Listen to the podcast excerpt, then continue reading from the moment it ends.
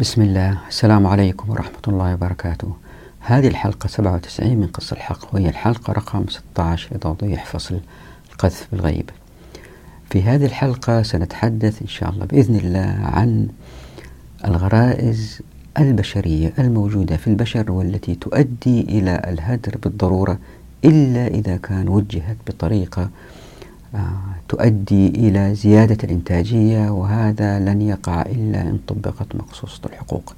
فلطالما أن العقل البشري القاصر هو الذي يحكم فالنتيجة هي ظهور المجتمعات التي أدت إلى من خلال الأنظمة والقوانين أدت إلى تغيير مقصوصة الحقوق إلى منظومة حقوق تؤدي إلى التفاضل بين الناس عن طريق الاحتكار وبالتالي ظهور الطبقات.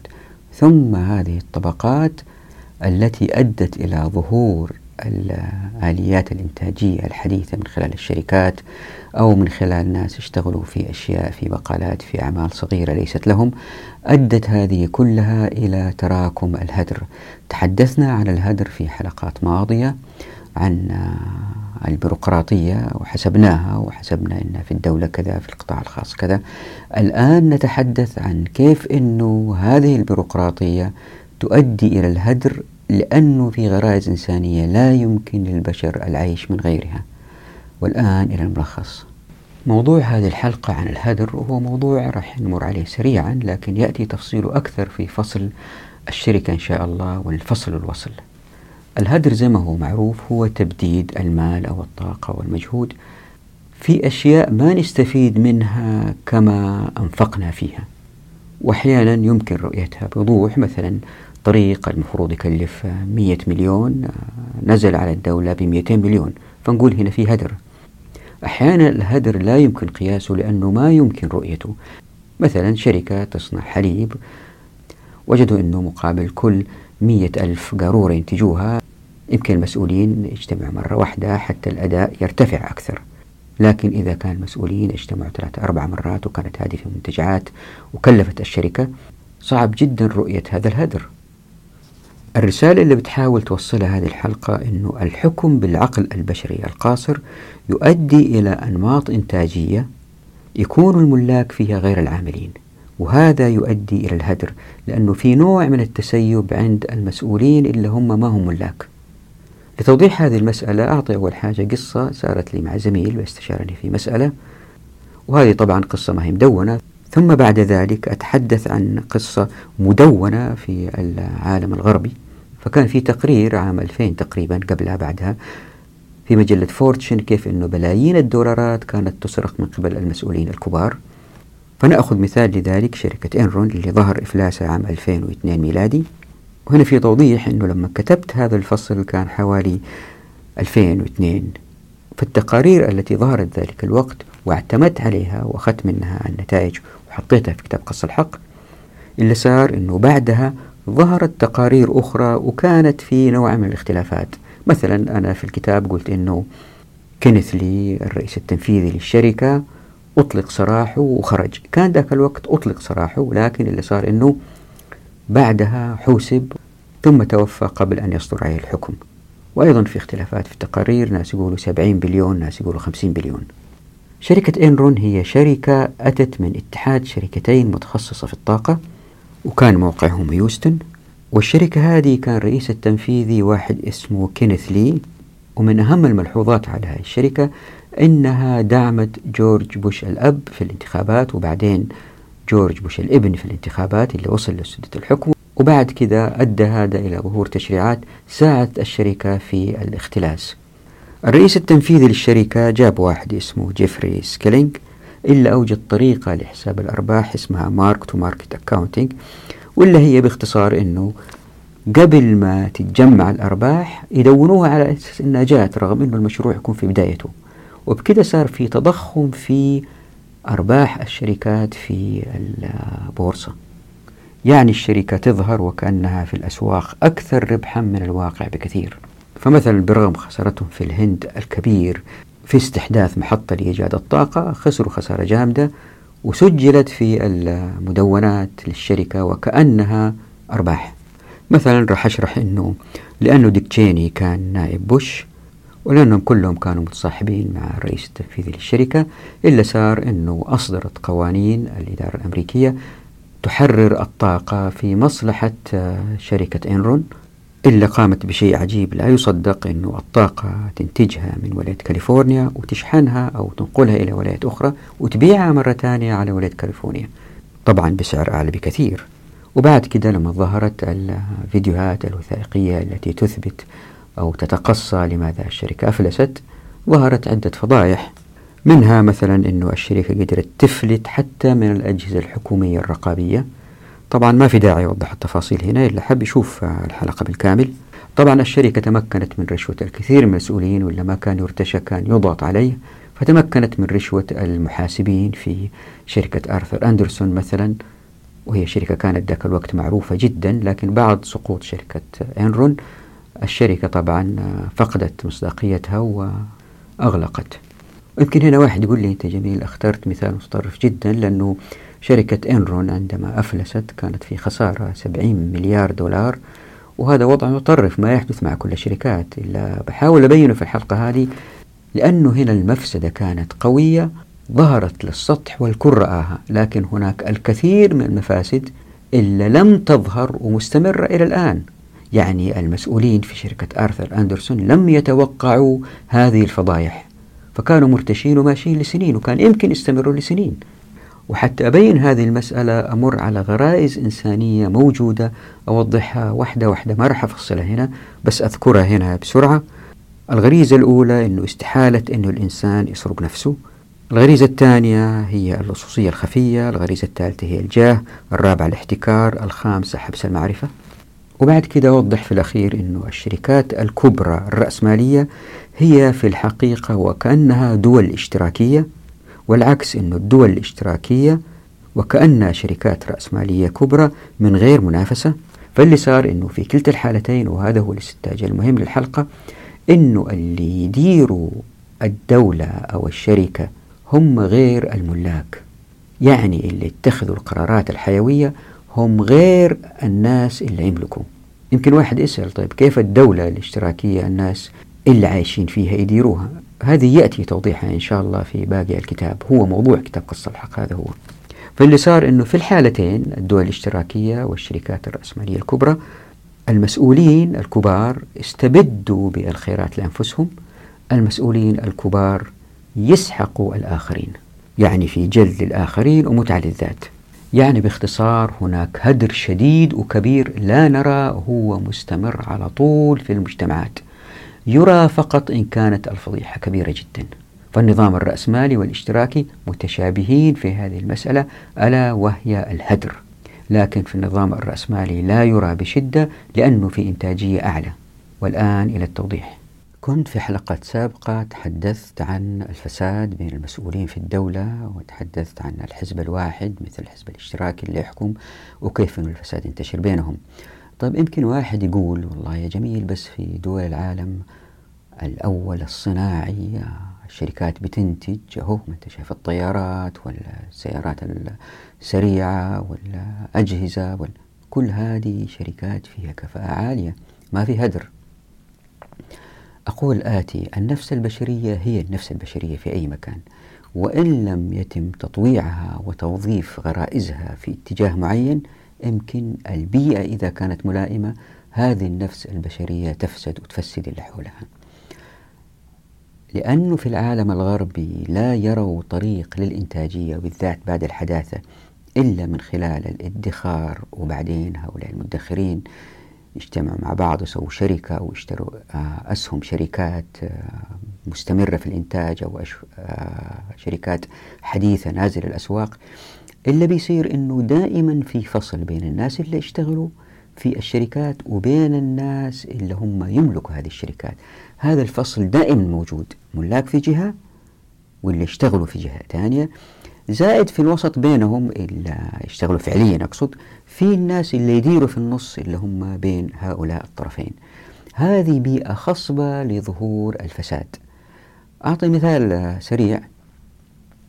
أحد الزملاء أصدقاء مرة بيحكيني أخذوه مستشار في شركة تنتج إنتاج معين لا أريد ذكر أسماء.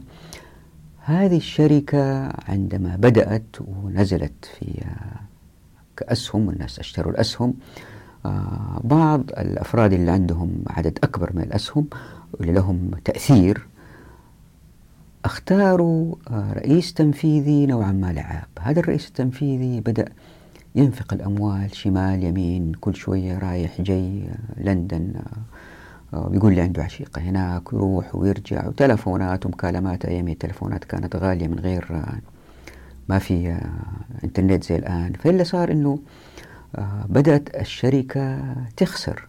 المفروض في الشركة هذه لما بدأت بداية قوية إنتاجها يزيد.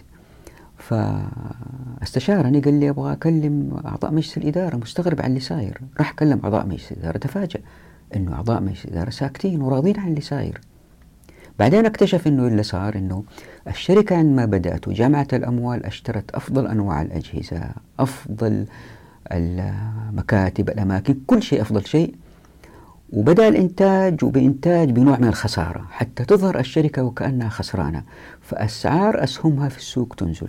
لما نزلت أسعار الأسهم هم بعدين اشتروا هذه الأسهم وبعد كده مشوا هذا المدير التنفيذي جابوا واحد آخر وبدأت الأرباح تأتي. اللي صار أنه مؤامرة بين الملاك الأساسيين الكبار حتى يشتروا الأسهم لما تنزل ويصيروا هم الملاك بالفعل لهذه الشركة بأسهم أكثر. طبعا هنا في أفراد خسروا الكثير من الأموال اللي هم المساهمين الصغار وبدأت الإنتاجية تتحسن وبدأت الكفاءة تزيد في هذه الشركة. لكن كم من الظلم وقع على هؤلاء الأفراد؟ هذا المثال السابق مثال من زميل حكاية غير موثق في العالم الغربي الكثير من هذه الوقائع تحدث لكن لا توثق لأنه صعب إثبات هذه الأشياء إلا إذا كانت المسألة قوية جدا وفاحت رائحتها.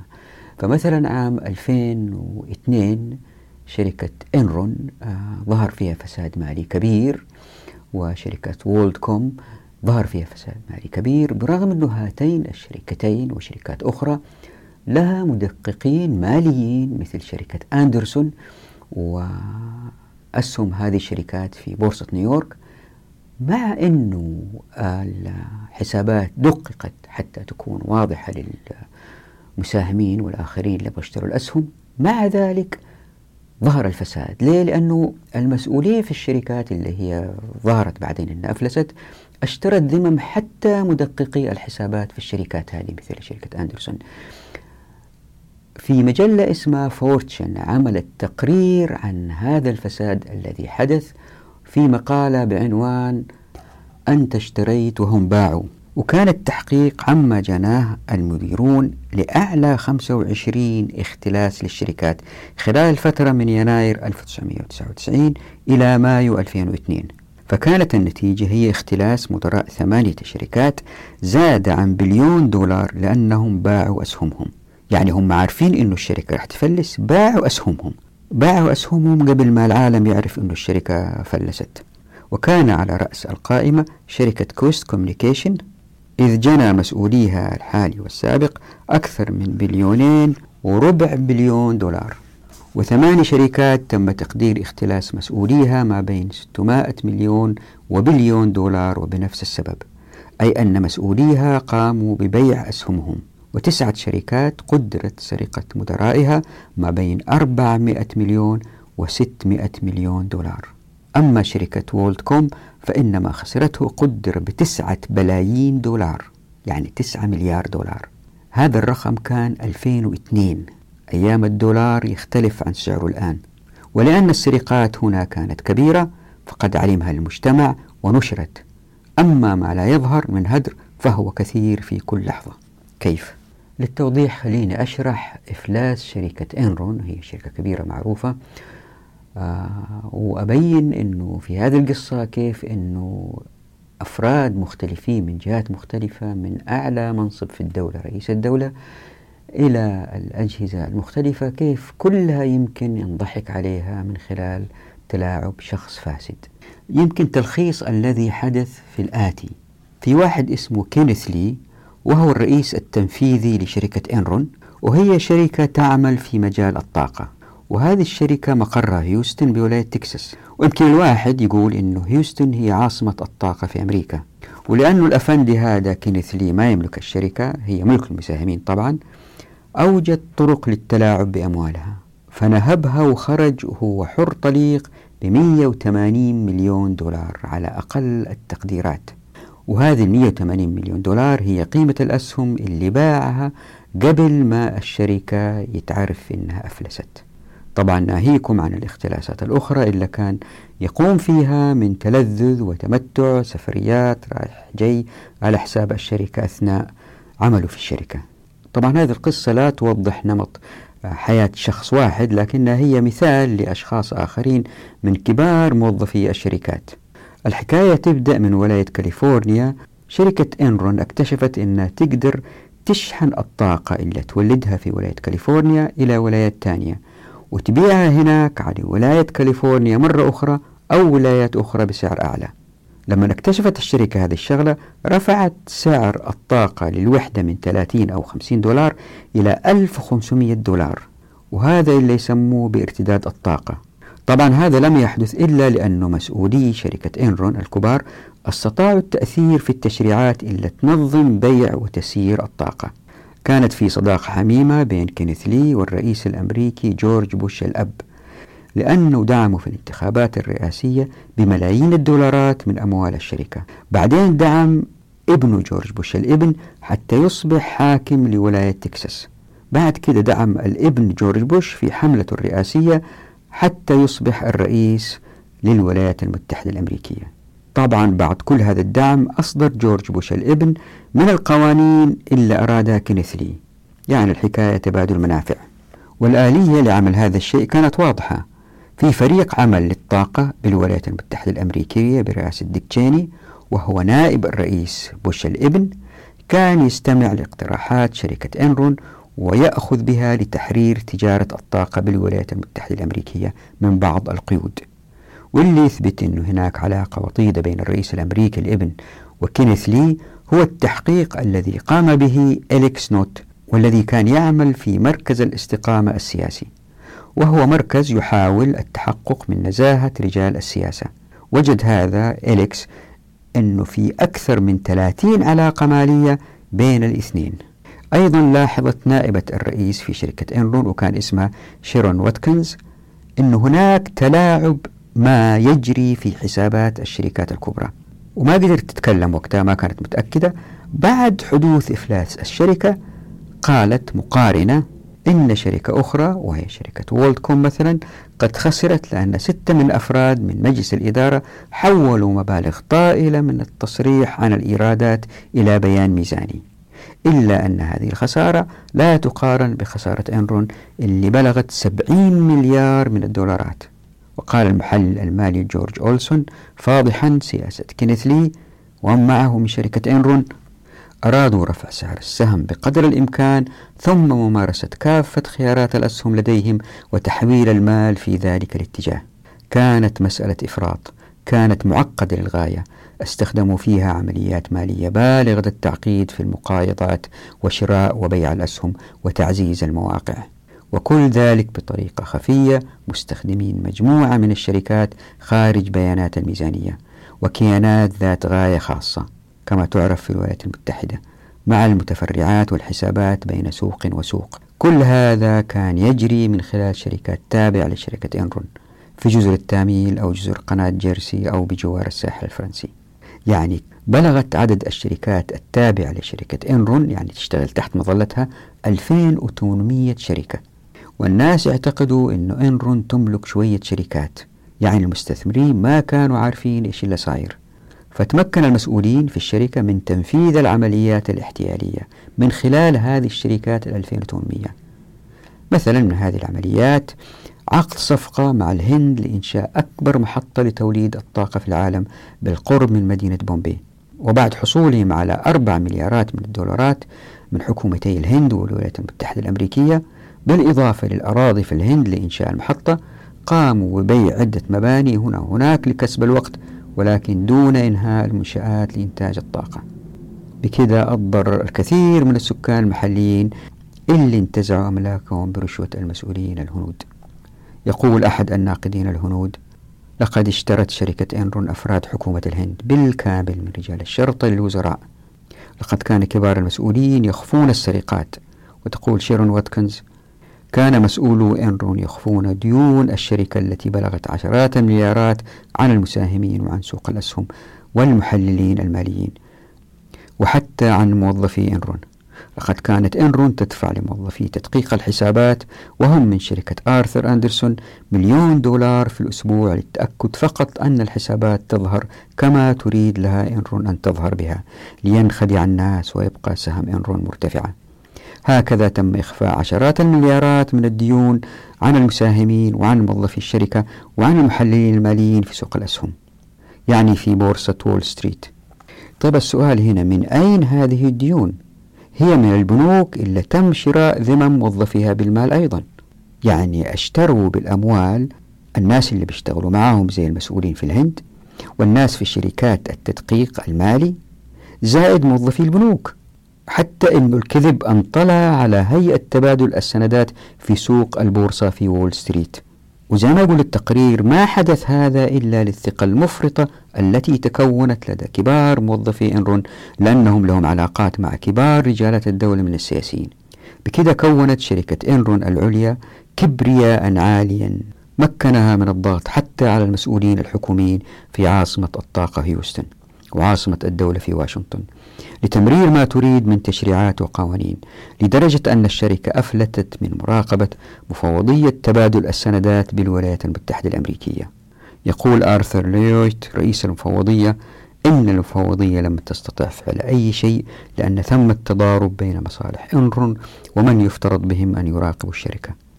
فهناك فساد كبير بين كبار مسؤولي الشركات عموما فقد أساءت شركة إنرون لمن يفترض بهم أن يحموها من خلال المراقبة.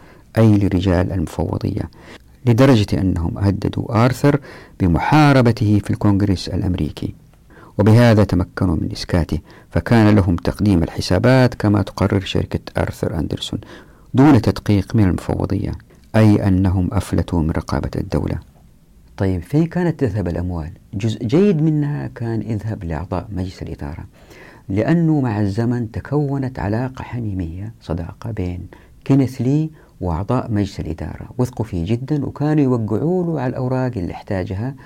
مقابل هذا هو كان يعطيهم أسهم من الشركة بملايين الدولارات في كل سنة.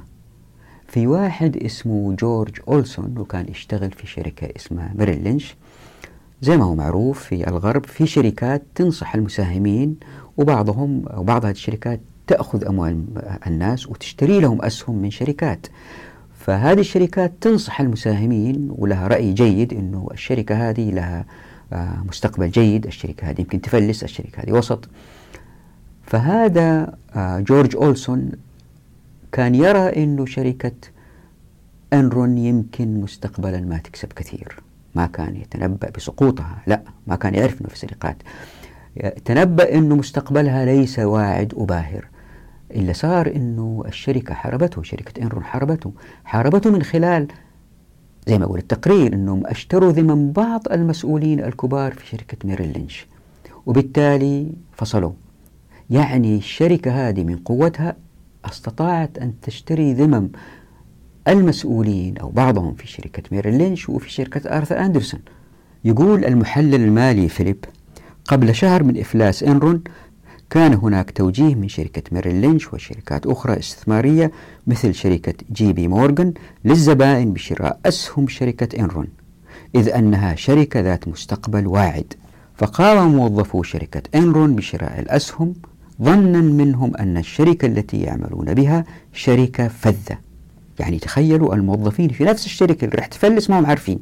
بكده ارتفعت أسهم الشركة لدرجة أنه عمليات يوم واحد بلغت 4 ملايين دولار وكان سعر السهم قد زاد عن 80 دولار.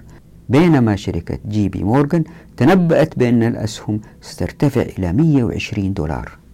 وبعدين بعد ما أفلست الشركة انتشر محققو المفوضية للبحث في حسابات شركات أخرى. فظهرت الفضائح في حساب شركات كبرى مثل WorldCom وشركة Global Crossing وشركة Adelphia Communications بهذا الكشف ظهرت القناعة لدى الشعب الأمريكي بضرورة زيادة أعمال مفوضية تبادل السندات. فزادت ميزانيتها من 400 إلى 700 مليون دولار في السنة وبكذا زاد عدد المدققين في الحسابات. وطبعا مع ميزانية هذه الإدارة من 400 إلى 700 اللي بيصير إنه عدد الموظفين بيزيد. وهؤلاء الموظفين إلا زاد عددهم بالتأكيد بعضهم مستقبلا يمكن رشوتهم. يعني انتقلنا إلى مستوى أعلى من الرشوة التي ستظهر مستقبلا في فساد لم يخطر على بال أحد لأن بني آدم دائما يمكن أن يتلاعب به وهناك من يريد أن يتلاعب بالآخرين.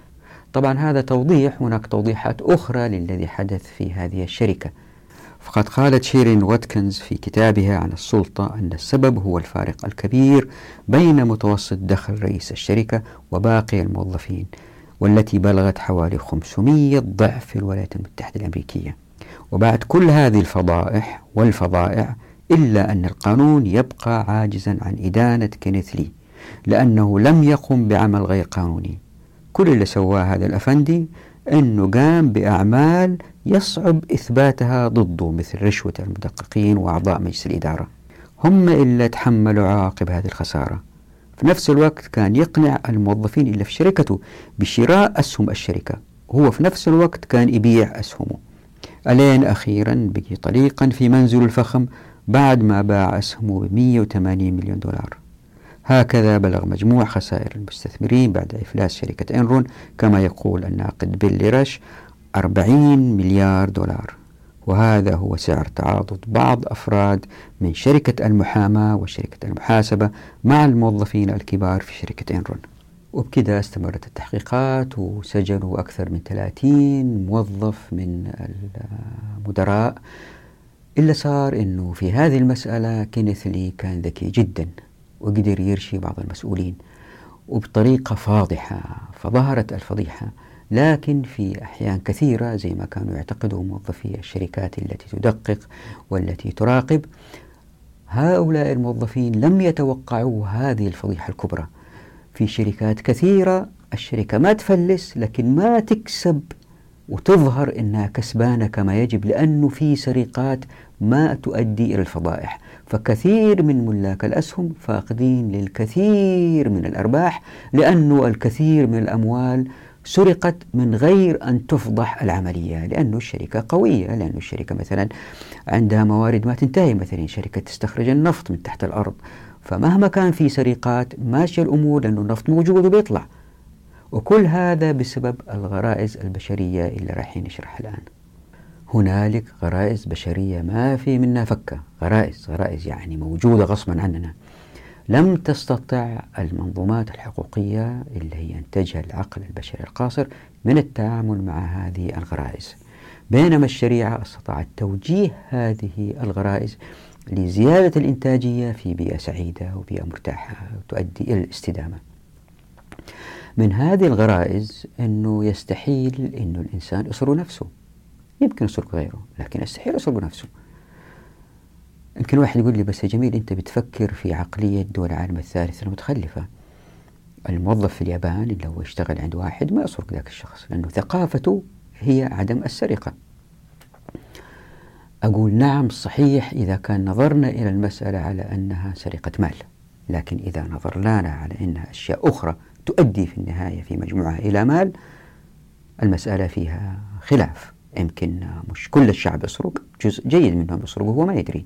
مثال جيد على هذا الأم مثلا إذا ولدها يمرض ستهتم بعلاج ولدها إذا هي طبيبة أكثر من أنها تهتم بولد الآخرين لأنه ولدها. طبعا يقول لي واحد بس أنت اخترت مثال متطرف. المسألة ليست دائما هكذا. أقول طيب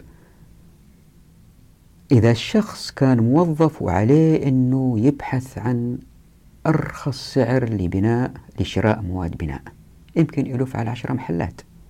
إذا كان المحل إذا كان المبنى له هو نفسه والتوفير يرجع له. لكن إذا كان التوفير لشركة يجتهد أقصى ما يستطيع يمكن يمر على خمسة محلات. نفس الشيء اللي يشتغل في المطعم. إذا كان هو مالك المطعم يحاول دائما أنه ما يخطئ في الطبخة حتى لا يظهر خلل في الأكل وبالتالي يؤدي إلى سوء سمعة محله. بينما الأجير لن يكون بنفس الاهتمام فالسرقة هي ليست سرقة مال ولكن الاهتمام بالجودة الاهتمام بالتعامل مع الزباين. لاحظ هذا من يوم ما تروح مكان تجد شخص يمكن جاف جفص لأنه آه، أجير. وقد تجد شخص جاف جفص وهو مالك لكن هذا لو صار موظف يصير أجفص وأشد. فالمسألة نسبية. عندكم مثلا الموظف اللي يشتغل في السنترال زمن أول في موظف يشتغل في السنترال يجاوب على المكالمات واحد يسأله رقم تلفون بيت كذا كم يعطيه الرقم. الآن مثلا بالإنترنت موظفة جالسة في شركة أو موظف جالس في شركة بيرد على الأجوبة على على الناس اللي بيسألوا أسئلة للشركة. هذا الشخص وجدوا من الأبحاث أنه يقدر يجاوب إذا جت حيله 500 آه، على 500 مكالمة أو رسالة. الآن هو بيجاوب على 350 400 تظهر النظريات اللي هي كيف نحفزه كيف نخليه يستفيد من وقته حتى يرفع النسبة إلى 500 وإذا لا إذا كان ما رفعها يمكن نطرده ويمكن نعطيه دورات تأهيلية أحسن حتى ترتفع النسبة. الآن في هدر من هدول اللي بيوجدوا الدورات بيوجد طرق حتى زادت النسبة زائد هذا الشخص اللي بنجلد حتى يزيد نسبة الإجابة على المكالمات. فالهدر ليس مالي ولكن هدر لا نراه أحيانا من حيث الاهتمام. لذلك نظريات علم الإدارة تجتهد في إيجاد لأنهم عرفوا أنه جلد الموظف أو فصله خسارة على الشركة يجيبوا واحد ثاني يدربوه ما نعرف إيش. يجتهدوا كيف يرفعوا من كفاءته. لذلك توجد الكاميرات في كل مكان حتى يراقبوهم. لذلك توجد الأجهزة والمعدات اللي تقيس كفاءة العامل. هو كم مكالمة جاوب هو, هو كم قطعة أنتج.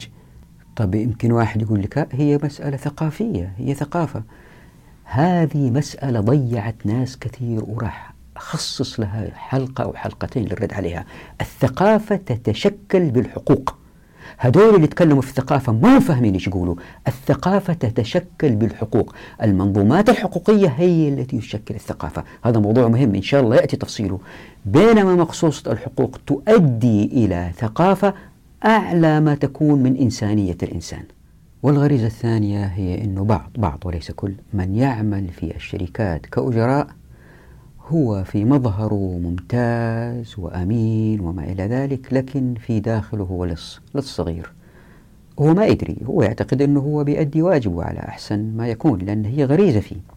مثلا مدير الشركة يحرص على الربح الأعلى ويقرمط على كل اللي حوله من نفقات من كذا. لكن هو على نفسه مكتبه فخم مريح عنده سكرتيرة. هذه إذا ما عنده طيارة خاصة يسافر درجة أولى ما يرضى يسافر درجة سياحية. إذا كان هو مالك يمكن يسافر درجة سياحية. إذا كان وضع الشركة لا يسمح لكن إذا كان موظف في الشركة يحاول يسافر درجة أولى. خلينا نقول أنه كان أمين وما سافر لأنه هذه تظهر فضائحها. إلا بيصير أنه لما بينزل فندق بيتعشى على حساب الشركة بيسوي اجتماعات على حساب الشركة الغداء على حساب الشركة العشاء على حساب الشركة. وهذا شيء معروف. كل هذه النفقات يمكن يتبحبح فيها حتى هو يرتاح ويقنع نفسه أنه هو بينتج أفضل لذلك لازم لازم يرتاح. ولأن الشركات الحديثة مكونة من مدير تحته مسؤولين وكل مسؤول مدير تحته مسؤولين وكل م... وهلم جرة كل واحد في مكانه في هدر هو يراه ويمكن يستغني عنه لكن يقرمط على الآخرين اللي تحته. كل واحد مثلا ليس الرئيس إلا تحته. يذهب لاجتماع وخلال الاجتماع هو رايح في الطريق يودي ولده المدرسة يجيب ولده من المدرسة. هو يقول هذه ضرورة. طبعا هي ضرورة. لكن إن كان طبقنا الشريعة ستتغير هذه الأمور. ليه؟ لأنه هو ما بيسرق من الآخرين. هو بيعمل بطريقة هو يتأثر فيها. فيمكن الوقت اللي ضيعه في توصيل ولده أو أستثمر خلينا نقول في توصيل ولده يعوضه خارج الدوام لأنه ما عنده دوام. هو يملك الشركة اللي يشتغل فيها على طول يشتغل فيها. في موظفين مش موظفين الملاك للمشاريع الصغيرة حتى في العيد ما يعيدوا. يستمتعوا بالجلوس في محلهم لأنهم يرتبوا كل شيء يرتبوا الأوراق يرتبوا الوضائع يستمتعوا هي متعة لهم. بينما الموظف هي بالنسبة له هم يبغى يتخلص منه. فإذا نظرنا للمسألة بهذه الطريقة أن الشركات عبارة عن أفراد وكل فرد في هدر بسيط بيقوم فيه حتى هو يؤدي عمله لأنه مقتنع أن يؤدي عمله بطريقة أفضل من خلال هذا الاستمتاع بهذا الشيء البسيط هذا تراكم للهدر. ويمكن واحد يقول لي بس هو علم الاقتصاد بيتقدم ويحاول يخفف هذا الهدر. مثلا النظريات الأخيرة في الاقتصاد تقول أنه الشركات تربح أكثر إذا كان ركزت على التخصص اللي هي آه، متخصصة فيه العمل المتخصصة فيه. مثلا شركة حاسب آلي تنتج حاسبات آلية يجب أن تركز على الحاسبات الآلية وتنسى حكاية توصيل الحاسبات الآلية إلى المصدرين أو المستهلكين مثلا شركة آي بي إم تخلصت من الشركات أو الجهاز الذي يقوم بتوصيل هذه الأجهزة ويمكن شركات تتخلص من آه، مهمة آه، توفير وجبة الطعام وقت الغداء للموظفين. لا تعطي هذه الشركة ثانية تفتح آه، تسمح المجال لشركة ثانية تفتح مطعم صغير جوا مبنى الشركة الرئيسي. وبكذا تزداد الكفاءة ويقل الهدر. أقول نعم هذا صحيح لكن الذي يحدث هو الآتي أن الشركات هذيك أيضا في داخلها في هدر. خلينا نقول ما في هدر. الذي حدث أنه الشركة هذه التي تصنع الحاسبة الآلية لأنه هذا عمل متخصص وتركت هذا العمل الذي يستطيع الدخول فيه الكثير من الناس عملية التوصيل لأنه ليس عمل متخصص تركته للآخرين في اللي صار أنه زادت المنافسة بين الآخرين لأنه في بطالة ولأنه تلك الشركات تحاول تزيد من الكفاءة أيضا لأنه تريد أن تربح أكثر تضغط على العمال أكثر وأكثر يشتغلوا ساعات أكثر بمال أقل وبالتالي يظهر الظلم في المجتمع لأنه في ناس بينجلدوا ويشتغلوا ساعات طويلة بمال أقل وفي ناس عاطلين عن العمل لأنه بزيادة الكفاءة تظهر البطالة. هذا أمر ما في مفر منه. لكن هذا لا يعني لا يعني سنرى إن شاء الله هذا في فصل الشركة. لا يعني أنه يا جماعة الخير نوجد مجتمعات شبه اشتراكية الكفاءة فيها أقل والموظف يشتغل على مهله لأنه هو موظف في الشركة زي موظف الدولة. موظف الدولة يجي متأخر وإذا جاء يشتغل على مهله وإذا اشتغل على مهله بدل ما يخلص في اليوم 100 معاملة يخلص نص معاملة. النص هذا يقول للموظف للمراجع تعال بكرة أكمل لك هي. هذا هذا معروف هذا معروف. ففي القطاع الخاص حتى تزداد الكفاءة تظهر هذه المظالم واللي لها آفات نفسية تؤدي إلى مشاكل الدولة راح تدفع نفقاتها من خلال هذه الآلام التي تقع على الناس. مثل بناء مستشفيات مثل مثل بناء آه، سجون لا سمح الله لهؤلاء الذين يشتغلوا في المخدرات وما إلى ذلك. والقاعدة الغريزية الثالثة هي أنه في المجتمعات الرأسمالية كل ما تغلق أبواب التمكين أمام الفقراء تفتح أمام الأغنياء لأن المجتمع يبغى يمشي اقتصاديا يبغى يصنع. ولأن الأبواب تقفل أمام الفقراء. ليه؟ لأنه الفقراء ما عندهم المقدرة لتحمل المخاطر المالية لأنه ما عندهم فائض مالي كبير. بينما الأثرياء يستطيعوا. واحد مليونير يقدر يخش في كذا مشروع وإذا خسر ما يتأثر كثير. زائد أنه البنوك لما تيجي تتعامل مع الأفراد بدال ما تتعامل مع واحد ما عنده تاريخ ماضي تثق بسجله المالي وبدال ما تقرض عشر أنفار كل واحد عشرة آلاف دولار تقرض واحد ثري مليون دولار. معاملات أقل ونفس الربح المالي جاي وبالتالي المجتمع فقد فرصة قوية أنه من هؤلاء الملايين اللي ما يقدروا آه، يفتحوا أعمال مصانع تجارة. هناك آه، نوابغ فقدهم المجتمع كأن يكونوا قادة. مثلا طيب واحد يقول لي آه، بيل جيتس. نعم بيل جيتس حالة نادرة لأنه كان مدعوم من أم وأبوه كان وضعه المالي جيد. لكن خلينا نقول أنه أم وأبوه ما كان وضعه المالي جيد. هذا استثناء للقاعدة. القاعدة أنه في العالم الغربي الضعفاء لن يستطيعوا الحصول على الموافقات من الدولة لن يستطيعوا الحصول على المال من البنوك وما عندهم المعرفة. وبالتالي يزداد التسخير المالي في الأيدي الثرية ويزداد الفارق بين الأغنياء والفقراء وتزداد الأمراض في المجتمع. وطبعا زي ما هو معروف أن الشركات هذه تحاول تحتكر وهذه غريزة أيضا لأنه يكسبوا أكثر يحاولوا يحتكروا. فمثلا لوحظ أنه الشركات اللي تنتج منتجات متشابهة مثلا ألبان أو الأنت ولا نسيج أو أعضاء مجلس الإدارة هم نفسهم يكونوا في كذا شركة. يعني في نوع من التنسيق بين الشركات للمحافظة على الأسعار. وزي ما هو معروف أيضا هذه الشركات بعضها تشتري الشركات المنافسة أو تحاول تزيحها من الساحة تماما. أما أشتريك أو أخلص منك. ويمكن أن نضيف لهذه المسألة أو هذه الغريزة غريزة التوسع أنه مع اتساع حاجات السوق واتساع نسبة المستهلكات. الشركة هذه المتخصصة في هذه المستهلكات تزداد بالتدريج قوة وتزداد اتساع مع اتساع آه، الرقعة الاستهلاكية في السوق. إلا بيصير أنه المعرفة بتتركز في هذه الشركة ولأنه أبواب التمكين مقفلة في الموارد والموافقات والمعرفة وفي صعوبة في ظهور أفراد يمكن ينافسوا هذه الشركة أو شركات أخرى تنافس هذه الشركة لأنه المنافسة في النظام الرأسمالي صعبة جدا والتمكين صعب إلا بيصير أنه المعرفة بتتحبس داخل هذه الشركة. فالمجتمعات بتفقد فرصة ظهور أفراد أو شركات أخرى ممكن تأتي بأفكار جديدة وبالتالي تتقدم الأمة أكثر وأكثر.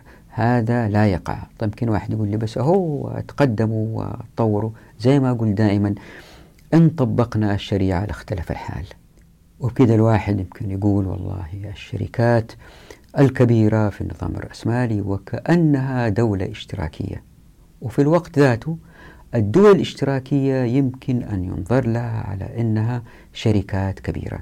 ليه؟ لأنه في الحالتين اللي بيتخذ القرارات الحاسمة هم أفراد ما يملكوا طبعا هذا ليس النمط باستمرار هو في الاشتراكية نعم في الرأسمالية في الشركات الكبيرة لأنه في شركات صغيرة يملكوها أفرادها ويتخذوا قراراتها. فالغالب في كلا الحالتين في المجتمعين أنه الذي يتخذ القرارات الحاسمة المهمة أفراد غير اللي يملكوا لذلك في النظم الاشتراكية الشخص اللي يخالف الدولة يسحقه سحق زي ما في الشركات الرأسمالية الكبيرة اللي يخالف الشركة ولا اللي ما يناسبهم يطردوه من الشركة. وفي النظام الاشتراكي المسؤولين الكبار يستأثروا بالخيرات لأنفسهم زي ما شفنا في حلقة سابقة وأيضا في الشركات الرأسمالية الأفراد المسؤولين بيتلاعبوا في الأموال لأنهم ما هم ملاك. فحالهم دائما في ظل الأنظمة والقوانين الموجودة في الشركة الاستفادة قدر المستطاع لمصلحتهم من غير ما تخسر الشركة. لأنهم إن خسرت الشركة بيفقدوا وظائفهم. طبعا هذا سجل سيء لهم هم في الحصول على وظيفة مستقبلا. لذلك يحرصوا على أن الشركة ما تخسر لكن يستفيدوا قدر المستطاع. وطبعا في هذا هدر المجتمع. بس واحد يقول لي بس الإنتاجية عالية جدا في الرأسمالية نعم إذا كانت الإنتاجية وحدتين مثلا في الرأسمالية ووحدة واحدة مثلا في الاشتراكية لم نرى البديل. إن طبقنا الشريعة لترتفع الإنتاجية إلى أربعة أو خمسة وحدات. لكن ما ننسى أنه الرأسمالية بكل هذا التقدم تؤدي إلى تلويث الكرة الأرضية. ومن واجبنا كمسلمين أن نحمي الكرة الأرضية من هذا التلوث القادم. زائد واللي راح نشرحه في باقي هذا الفصل ألا وهو أن الظلم الذي يقع على الناس في النظام الرأسمالي الذي بدأ ينتشر في كل دول العالم ظلم شديد يؤدي إلى التعاسة وإلى الأمراض والآلام وهي مواضيع الحلقات القادمة الثلاثة إن شاء الله بإذن الله. نراكم على خير في أمان الله ودعواتكم.